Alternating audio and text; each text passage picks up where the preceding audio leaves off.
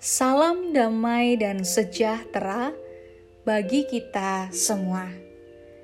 Saudara yang terkasih, hari ini kita akan bersama-sama merenungkan firman Tuhan yang diambil dari Markus 10 ayat 47 sampai 49a. Ketika didengarnya bahwa itu adalah Yesus orang Nazaret, mulailah ia berseru, "Yesus, Anak Daud, kasihanilah aku." Banyak orang menegurnya supaya ia diam, namun semakin keras ia berseru, "Anak Daud, kasihanilah aku." Lalu Yesus berhenti dan berkata, panggillah dia. Jagalah pengharapanmu. Harapan adalah hal yang penting dalam hidup. Dengan harapan, orang mampu bertahan untuk hidup meskipun terasa berat dan tidak mudah untuk dijalani. Harapan menggerakkan tubuh kita untuk mencari pertolongan dan jalan keluar dalam setiap persoalan yang sedang terjadi. Harapan membuat kita mampu melangkah sesakit apa pun kaki kita. Harapan membuat tangan kita terulur lebih jauh untuk meraih yang terbaik.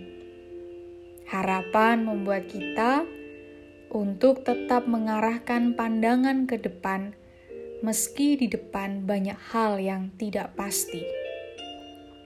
Tetapi kebalikannya, orang yang sudah tidak punya harapan akan hanya berdiam diri, tidak melakukan apa-apa, lemas, ngelokro, tidak bersemangat, dan tidak bergairah lagi.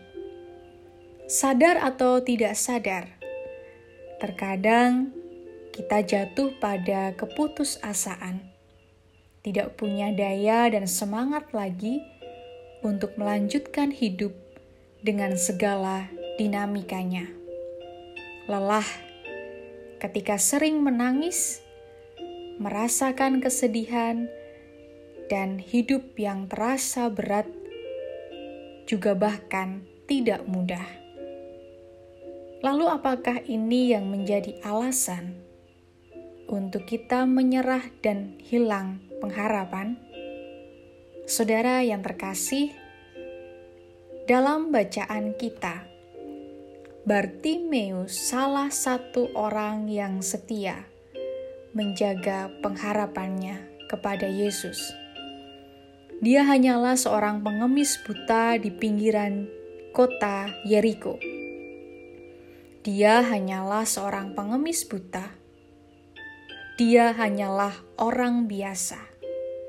Dia bukan orang yang terpandang.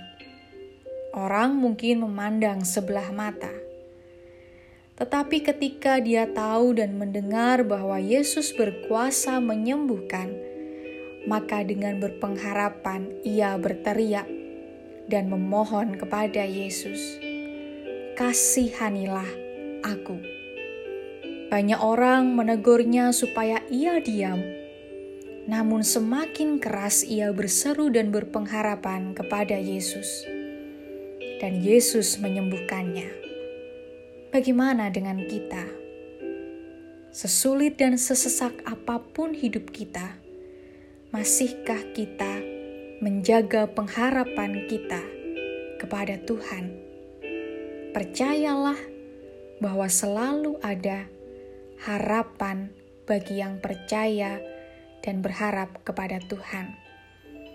Tuhan pasti menjawab setiap pergumulan kita dalam harap kepadanya. Karena Tuhan adalah sumber segala hidup, sumber pengharapan. Jagalah pengharapanmu, jangan menyerah. Tuhan Yesus memberkati. Amin.